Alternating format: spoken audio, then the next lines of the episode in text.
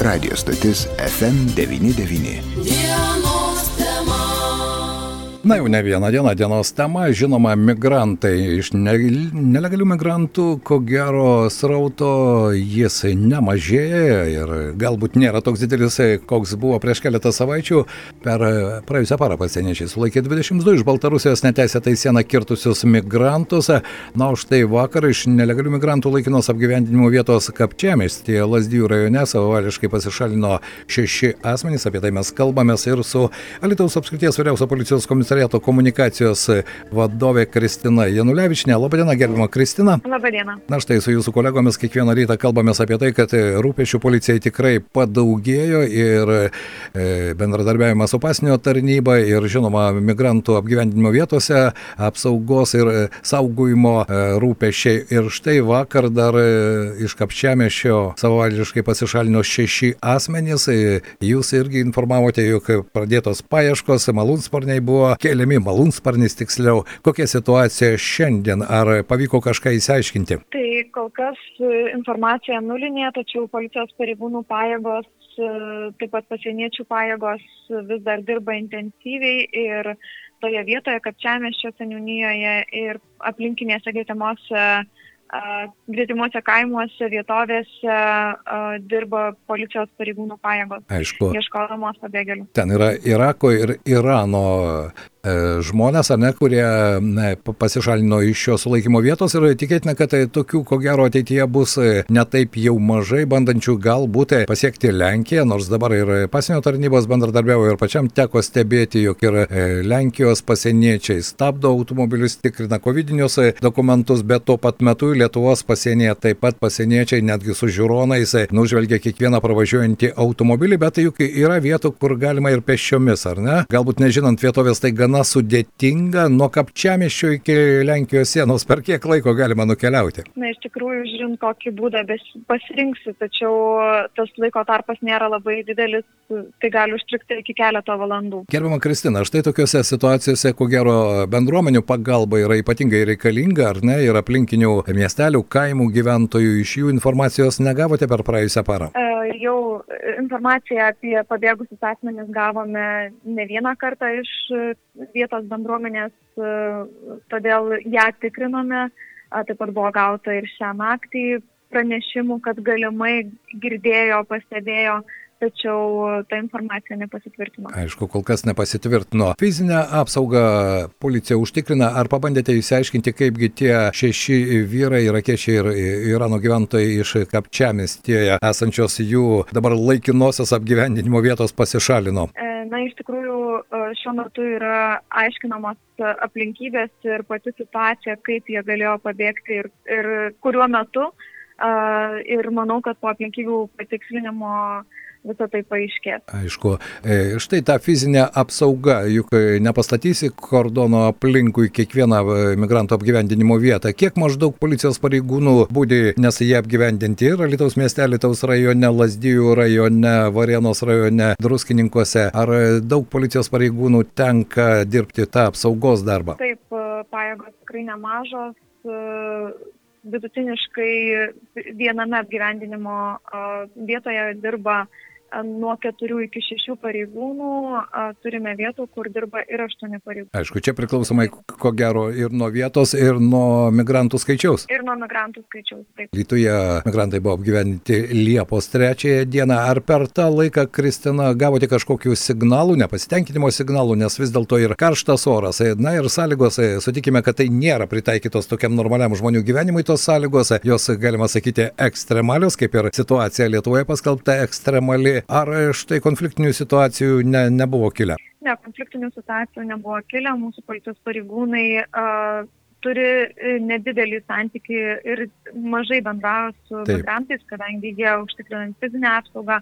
Be abejo, tikriausiai visi matėme, kad uh, žiniasklaidos priemonėse, kuomet uh, atvyksta žiniasklaidos priemonės, nelegalai skundžiasi gyvenimo sąlygom, Taip. prašosi būti išleisti. Taip, bet iš kitos pusės daugelis iš jų nenori, kad jie būtų filmuojami, fotografuojami, na ir veidai yra paprasčiausiai užbliūrinami, tad ko gero ne tik jų laikymas ar ne policijos pareigūnams, bet ir vyksta tam tikri tyriamieji darbai, ar ne, ir apklausiami jie yra, ir tas procesas po truputį įsivažiuoja. Čia jau dirba valstybės sienos apsaugos tarnybos e, pareigūnai e, šitame darbe policija ne, nefiguruoja. Aišku, štai vakar Seimas patvirtino naujus įstatymo pakeitimus, dar prezidentas turėtų juos pasirašyti. Jūsų nuomonė, Kristina, nežinau, ar štai tos naujos pataisos, žmogaus teisų gynėjai sako, jog tai yra žmogaus teisų pažeidimai, iš kitos pusės, kita pusė sako, jog kitaip negalima bus suvaldyti tos situacijos ir pasiūsti tos žinutės, kad Lietuva nepraeinamasis skiemas, ar palengvins, ar pasunkins kaip tik policijos pareigūnų darbą. Kaip jums atrodo? Manau, kaip bus priimta, matysime, spręsime, dėliosimės e, taktikas, na ir žiūrėsime, kaip bus toliau.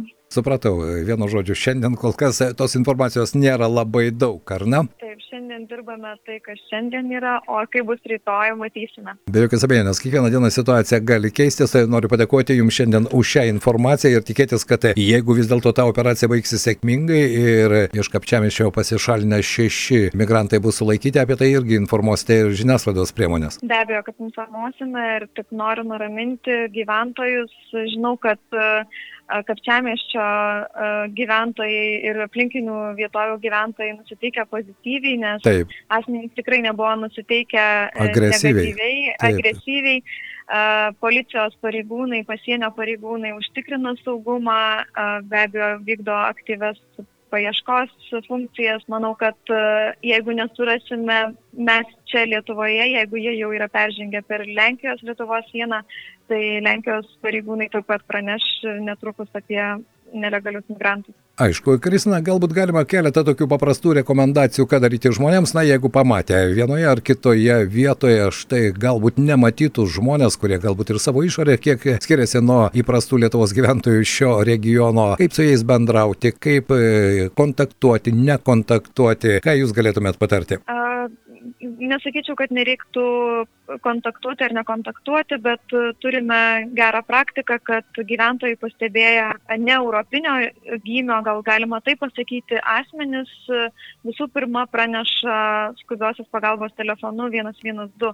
Tai, tai būtų geriausias, geriausias variantas. Na, o be abejo, jeigu e, įvyksta kontaktas, kalbasi, Tai turime vėlgi pavyzdį druskininkų savivaldybėje, užėję į gyvenamąją sodybą, keturi asmenys prašėsi pagalbos, nurodyti, kaip pasiekti Prancūziją, kokiu transportu galėtų jie vykti per Lietuvą. Vyriškis su jais kalbėjosi, susikalbėjo ir pats pasiūlė prisiduoti policijai ir pasienio tarnybai. Taip. Taip ir, buvo, taip ir įvyko, pare, vyriškis pranešė pareigūnams, na, o asmenys buvo sulaikyti. Na štai, ir tokios gyvenimiškos istorijos, be jokios abejonės, tai policijai ko gero čia irgi ir kalbų dabar ar ne, nes ne visi jų ko gero kalba angliškai, kai kurie kalba prancūziškai, bet susikalbėti vis dėlto yra sudėtinga, policijos pareigūnams irgi prireiks ir vertėjų pagalbos ateityje, tai tikrai ko gero. Taip, tikrai kartais prireikia ir vertėjų pagalbos, gerai, kai jie kalba viena iš Euro, Europos kalbų, ang, anglų ir prancūzų, tačiau Taip. daugelis iš jų nekalba nei viena Europos kalba, tuomet, na, kyla keblumų. Suprantu. Kągi, tikėkime, kad vis dėlto tie keblumai vienokio ar kitokio būdu bus sprendžiami, o svarbiausia nuraminti ir gyventojus, vis dėlto išlikti dzūkiškai svetingiems, ar ne, tam tikrose ribose ir e, galbūt, e, tikėkime, kad ta situacija anksčiau ar vėliau keisis.